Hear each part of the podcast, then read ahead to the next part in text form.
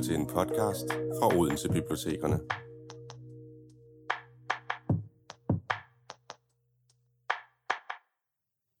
Velkommen til. Mit navn er Maria Jacobsen. Jeg er børne- og ungebibliotekar ved Odense Bibliotekerne, og jeg skal føre jer igennem afsnittet her, hvor vi skal bevæge os lidt ind i metoden guided fælleslæsning. Hvad er guided fælleslæsning egentlig? Hvordan foregår det? Og hvad betyder det for dem, der er med? Det er de spørgsmål, som vi vil prøve at besvare i dette podcast-afsnit. Guided fælleslæsning foregår efterhånden mange steder, både i Danmark og i resten af verden. Læseforeningen har arbejdet med guided fælleslæsning igennem en del år. Vi mødte Helene Forsberg fra Læseforeningen til en snak, og nu skal vi høre Helene fortælle lidt mere om Læseforeningen og om metoden.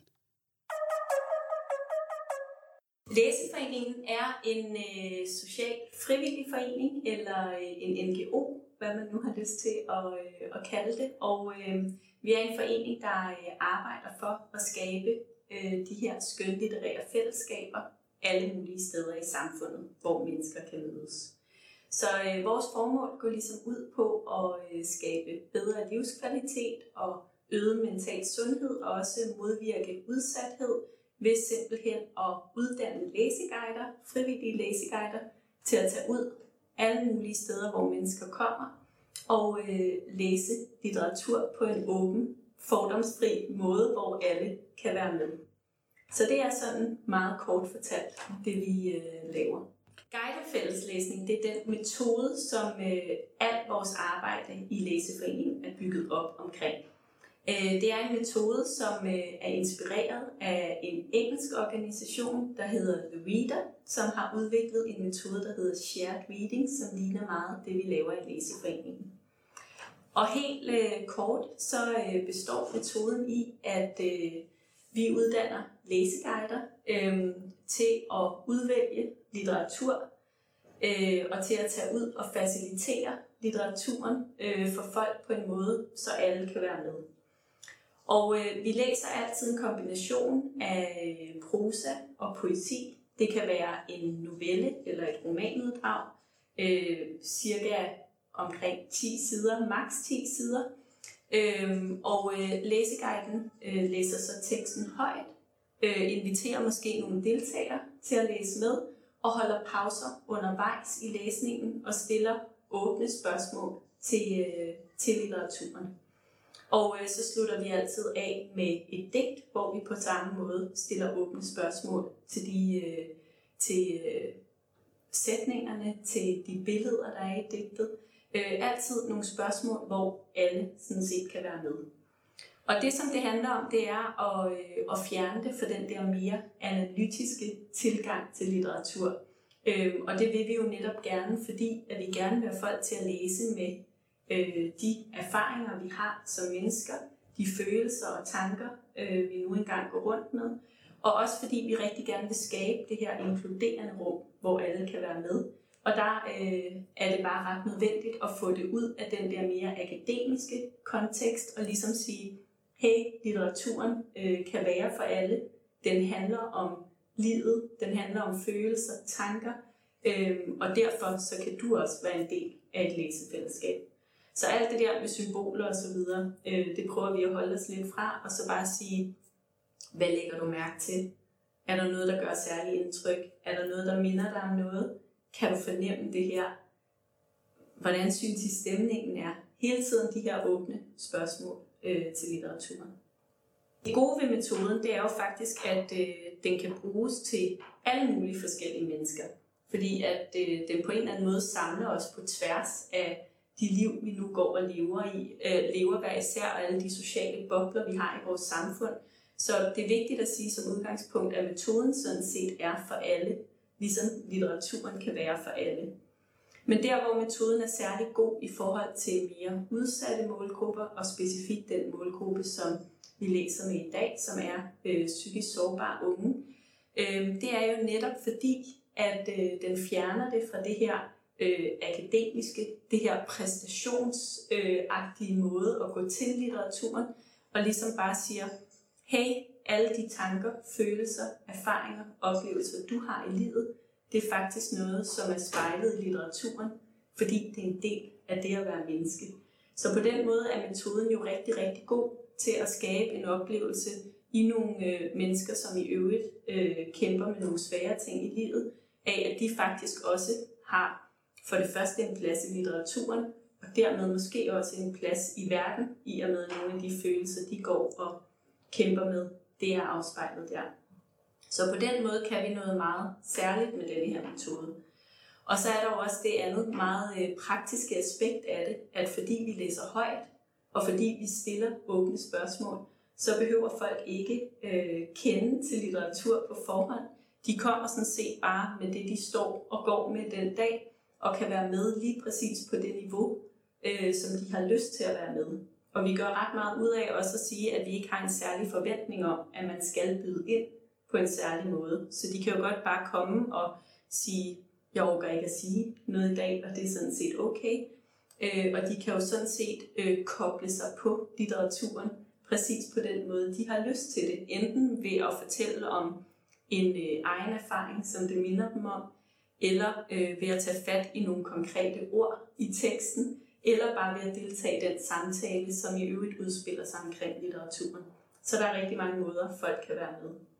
Og så er der lige det sidste aspekt, som jeg også vil nævne, som, øh, som jo handler om, at rigtig mange mennesker, som har det svært, øh, de godt kan få en oplevelse af, at det kan være rigtig svært at indgå i fællesskaber med andre, fordi det ikke er særlig sjovt at komme og ikke have det store overskud, og ikke være den, der leverer de sjove historier.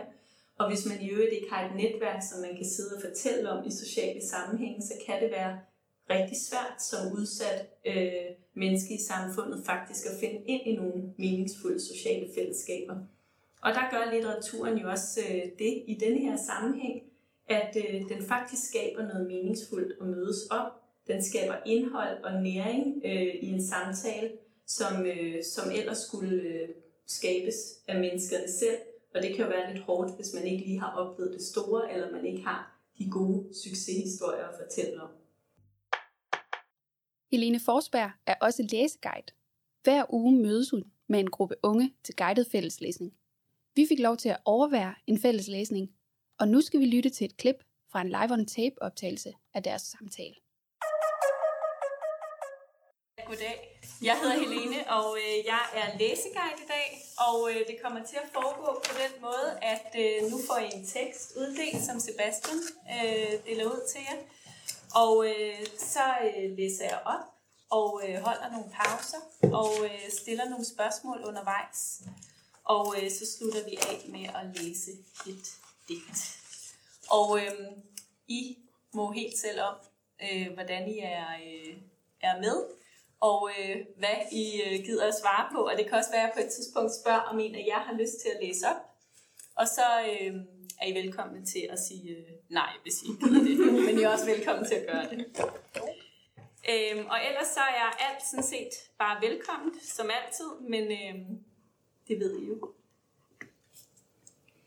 Yes. Vi går i gang. Et bamlende kor af klokker, som jo svalerne til værs, ringede sommeren ind i den festsmykkede by Omelas med de lyse tårne. Rikningen på havnens både funklede af flag. Optog bevægede sig gennem gaderne mellem huse med røde tage og malede mure. Mellem gamle mosgroede haver og gennem alléer, forbi store parker og offentlige bygninger. Nogle optog var anstandsfulde. Gamle mennesker med lange, stive kjoler i violet og gråt. Adstadige håndværksmestre, stille, mundre kvinder, som bar på deres spædbørn og snakkede, mens de gik. I andre gader var rytmen raskere. En flimmer af bækken og tamburin. Og folk gik dansende. Optoget var en stor dans. Børnene pilede ud og ind, og deres skingerne råb steg op over sangen og musikken som svalernes krydsende flugt. Alle optogene bugtede sig ud mod grønningen. Den store vandingseng i byens nordlige ende, hvor drenge og piger rørte deres urolige heste før vedløbet. De var nøgne i den klare luft, med lange, smidige arme, og de havde mudderstænk på fødder og ankler. Hestene var ikke seletøj, bortset fra en grime uden vissel. Mankerne var flettet med bånd i sølv og guld og grønt. De spilede næseborene ud og stejlede og pralede for hinanden. De var umådeligt nervøse, fordi hesten er det eneste dyr, der har gjort vores ceremonier til sine egne. Langt ude mod vest og nord rejste bjergene sig i halvcirkel om byen i dens bugt. Morgenluften var så klar, at snekarpen, der endnu dækkede de 18 tinder, brændte gennem sollyset med hvidgylden glød under himlens dybe blå. Vinden var akkurat stærk nok til ind imellem at smelle og blafre med de vimpler, der afmærkede vedløbsbanen. Vi holder en kort pause. Bare lige for at høre, hvad for et indtryk I får. Bare lige umiddelbart. Jeg synes meget, det virker som sådan et, øh, et eventyrby nærmest. Også øh, fordi eventyr på en eller anden måde er noget, ofte noget middelalder, og der er vimpler. Og, og, og der er ikke sådan stednavne, det hedder ikke Mount Everest, det hedder bare de 18 tænder. Mm. ja, det synes jeg, det synes jeg er sådan lidt eventyrligt. Mm. Øh, man får sådan et billede af en meget smuk, gammel, øh, anstændig by. Anstændig by. Ja. Havde I andre også det billede? Noget eventyragtigt og noget anstændigt? Jeg synes også, det var meget fantasy vibe. Mm. Sådan agtigt. Mm. Ja. Jeg tror også, at de der vimpler. ja, det er stive kjoler. Mm. Ja, men jeg synes, det er fordi tiden er svær at sætte en finger på. Sådan om det er, om det er gammelt, eller om det er bare sådan en gammel slags optog, sådan hvor man øh, tager noget bestemt tøj på, eller sådan. Ja, men det, det, det lyder hyggeligt. Ja.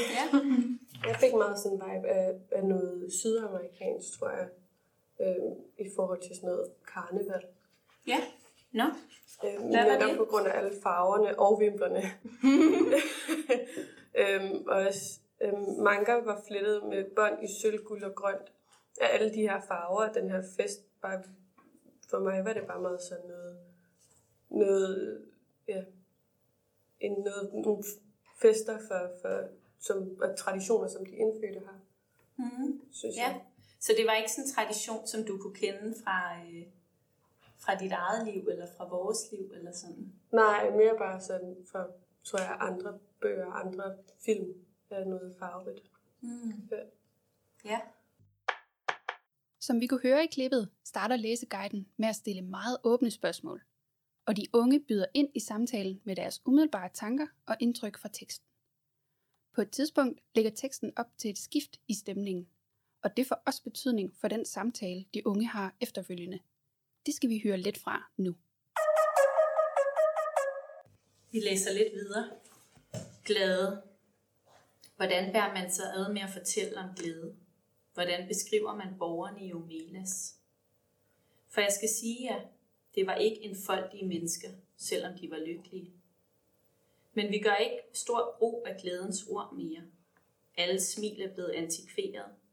Over for en beskrivelse som denne er man tilbøjelig til straks at se sig, se sig om efter kongen, ridende på en prægtig hest og omgivet af edle væbnere, eventuelt båret i guldstol af muskelsvulmende slaver. Men der var ingen konge. De brugte ikke svær og holdt ikke slaver. De var ikke barbarer. Regler og love i deres samfund kender jeg ikke, men jeg har mistanke om, at de var enestående få. Ligesom de levede lykkeligt, uden monarki og slaveri, klarede de sig uden børs, reklame, hemmeligt politi og bomber. Men jeg gentager, at de var ikke enfoldige mennesker, ikke livlige hyrder, edle vilde, tamme utopister. De var ikke mindre sammensatte, end vi er. Problemet er, at vi, tilskyndet af pedanter og fejnsmækkere, har den dårlige vane at betragte lykke som noget temmelig dumt. Kun smerte er intellektuel, kun ondskab interessant. Kunstnerens forræderi er dette, at nægte at vedgå sig ondskabens banalitet og smertens frygtelige kedsommelighed. Hyl med de ulve, du er iblandt. Gør det ondt, så gør det om. Men at lovprise fortvivlelsen er at fordømme glæden. At gribe til vold er at miste grebet om alt andet. Vi har næsten mistet grebet. Vi kan ikke beskrive et lykkeligt menneske længere, ligesom vi ikke formår at fejre glæden. Vi holder en pause.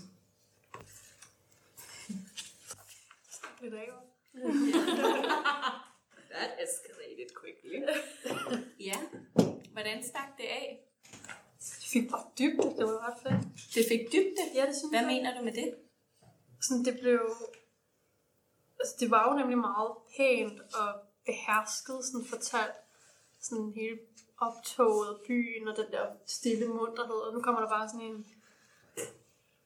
Det ved jeg ikke. Sådan en lussing til at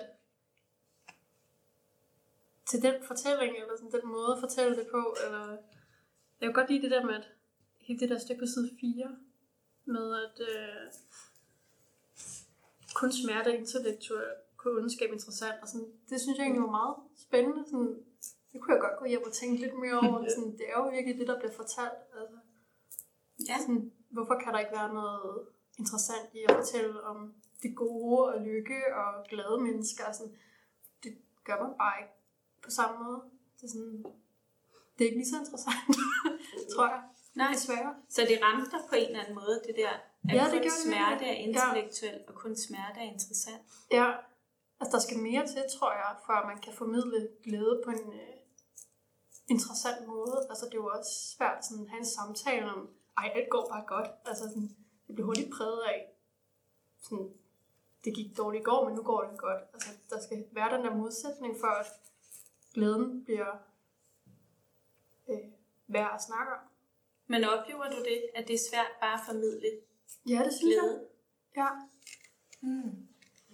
Ja, sådan uden kontrasten i hvert fald. Ja. Og også bare sådan i, i kunst og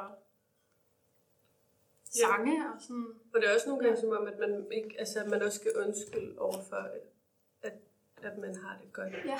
Og sådan, alt går mega godt lige nu, men der er også, okay, men der er også lige det her, der halter. Og sådan, Mm.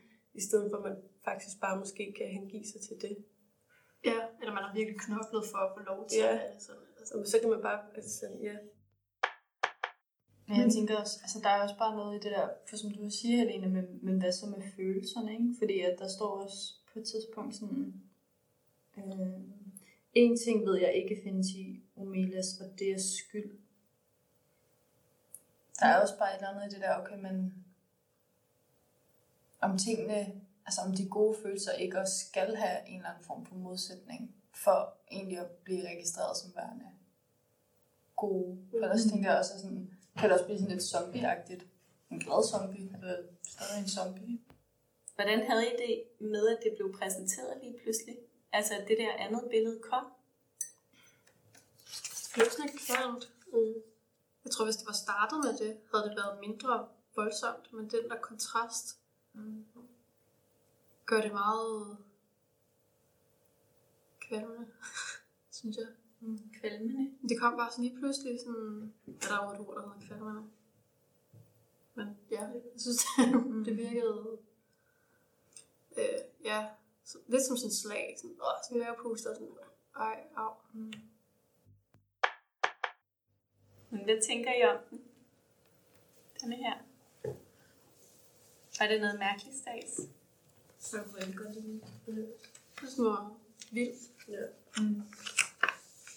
Den føles lidt som sådan en reality check. Et reality check. Ja. Også, nu har vi også snakket meget om det, men også sådan meget draget paralleller til vores eget samfund. Og det tror jeg bare er lidt rart. At, sådan, at man også ikke, men altså, man også kan blive opmærksom på, at, at det er ikke bare fest og glade dage, men at der stadig er lang vej for rigtig mange, altså, rigtig mange liv. Jeg synes, de to faste linjer, eller strofer, har helt vildt, eller sådan er meget connected til det, vi snakkede om før, med enten at være i lykken eller i ulykken. Jeg synes, nu er det bare blevet gjort til et spørgsmål.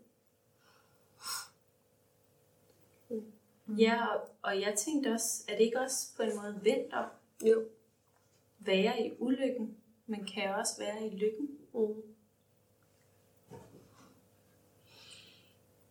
Ja. Jeg resonerer meget med de ikke de to sidste, men den tredje sidste og den anden sidste, det med at mærke, hvor muligt det er, at alt er, som det er. Mm. Jeg synes, nogle gange kan livet godt være sådan ret overvældende. Mm. Altså, det kan også bare være mærkeligt at kigge på en himmel og være sådan, der er en fugl. man, er, man er med af, med af indtryk, og det er helt vildt nogle gange alt sammen, at det findes, og det er. Mm. Det, det synes jeg er ret fint formuleret.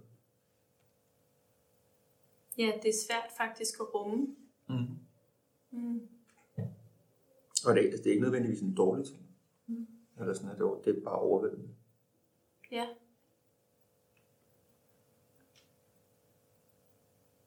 Jeg var til gengæld helt vild med det der te. Ja, det kunne jeg helt vildt godt ja. lide. Med te? Ja. ja. Hvorfor? Jeg synes bare, det var så, så smukt på en eller anden måde, at øh, det, der bundfalder sig i kroppen, det er egentlig det, der også har givet smag til resten af dagen, og det, der er godt. Og så til sidst, så, så er man bare øh, efterladt med det der bundfald, mm. som er, er stærkt og bittert og grumset, og, og så skal man forholde sig til det, altså, som jo så også kan være overvældende og, øh, og grimt. Men det er det, der har farvet resten af dagen. Ja. Det er igen kontrasten også. Jeg synes, det var... Jeg drikker meget te. Så, så.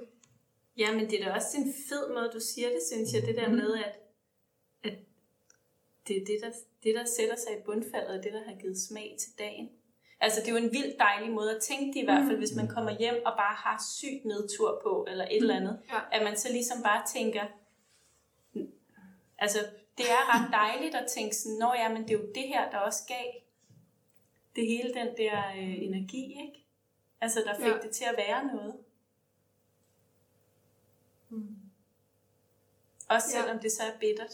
Eller sådan. Ja. eller altså, selvom det måske bliver lige lovligt symbolsk, men jeg kan ikke lade være med at tænke også på at, altså at forlade noget, som også bare kan være så hårdt og bittert, men hvor man også bare tænker, at der er jo ikke noget, der er hårdt og bittert, hvis ikke at det også mm. altså, havde smag og kraft og mm. alt det der, ikke? Mm. Øhm. Ja. Øh, vi har brug for modsætningen for at se øh, højden af... Altså det skal... Ja. Forstår hvad jeg mener? Ja. det der let at leve, hvis jeg ikke flyver højt, for falde dybt og sådan ja. svært. Mm. Efter gruppens samtale snakkede vi med nogle af de unge. For hvordan er det at være med til guided fælleslæsning? Og hvilken betydning har det egentlig for dem? For mig er det både det at komme og læse forskellige tekster. Jeg har altid godt kunne lide at læse. Jeg synes, det er svært at finde øh, tiden til det, eller tage mig tid til det min egen hverdag. Jeg synes, det er rart at komme til et, et åndehul, mm, der bare læse et eller andet, man ikke kender, og så at vi kan snakke om alt muligt. Altså, der er ikke, det er ikke, at vi sidder og analyserer noget, eller det er bare, ej, hvad har du på hjertet i dag, og ja, det er så åbent og rart, at man sådan også er bundet til at komme og se nogle andre mennesker sådan, hver uge. Ja. Nogen, der lige siger, hov, kommer du i dag? Det synes jeg egentlig er meget. Mm. Mm. Jeg er glad for, at du føler, at vi har bundet dig. Ja. jeg håber, det er en god form for binding. Ja. Men det er også fordi, at jeg kan godt genkende altså meget af det, du siger. Altså det er virkelig, øhm, jeg tror ikke, jeg havde forventet, at det ville komme til at betyde så meget for mig, da jeg startede her. Fordi det var sådan lidt, at på en eller anden måde følte jeg også lidt, at jeg bare droppede ind, og jeg vidste ikke helt, hvad det var, jeg gik ind til. Og så blev man bare sådan suget ind i det her fællesskab af vidt forskellige mennesker. Men det er også vildt fedt, det der med, at man får alle mulige andre perspektiver på det, end hvad man måske ellers ville sidde og rode med, hvis man bare havde siddet og læst den her tekst alene. Altså at man får så mange forskellige bud og mm. så mange synsvinkler. Vildt fedt. Altså, det udvider virkelig sådan ens horisont på en eller anden måde. Øhm, så det synes jeg er sindssygt fedt, fordi man kan godt blive sådan suget lidt ind i sin egen boble derhjemme, ikke? Altså, hvor at man bare sådan beskæftiger sig med, eller hænger ud med mennesker, der mener det samme som en selv, eller sådan, øh, så det er bare virkelig rart at komme lidt ud og blive luftet hos mennesker, der måske ikke deler de samme Altså, fordi der er også plads til at være uenig her. Altså, for der er jo ikke noget rigtigt og forkert. Det var en lille tur ind i metoden guided fælleslæsning, og et indblik i, hvilken betydning fællesskabet omkring litteraturen kan skabe for dem, som er med. Tak fordi I lyttede med. Husk, at vi har flere afsnit i Odense Bibliotekernes podcastserie om kultur og sundhed.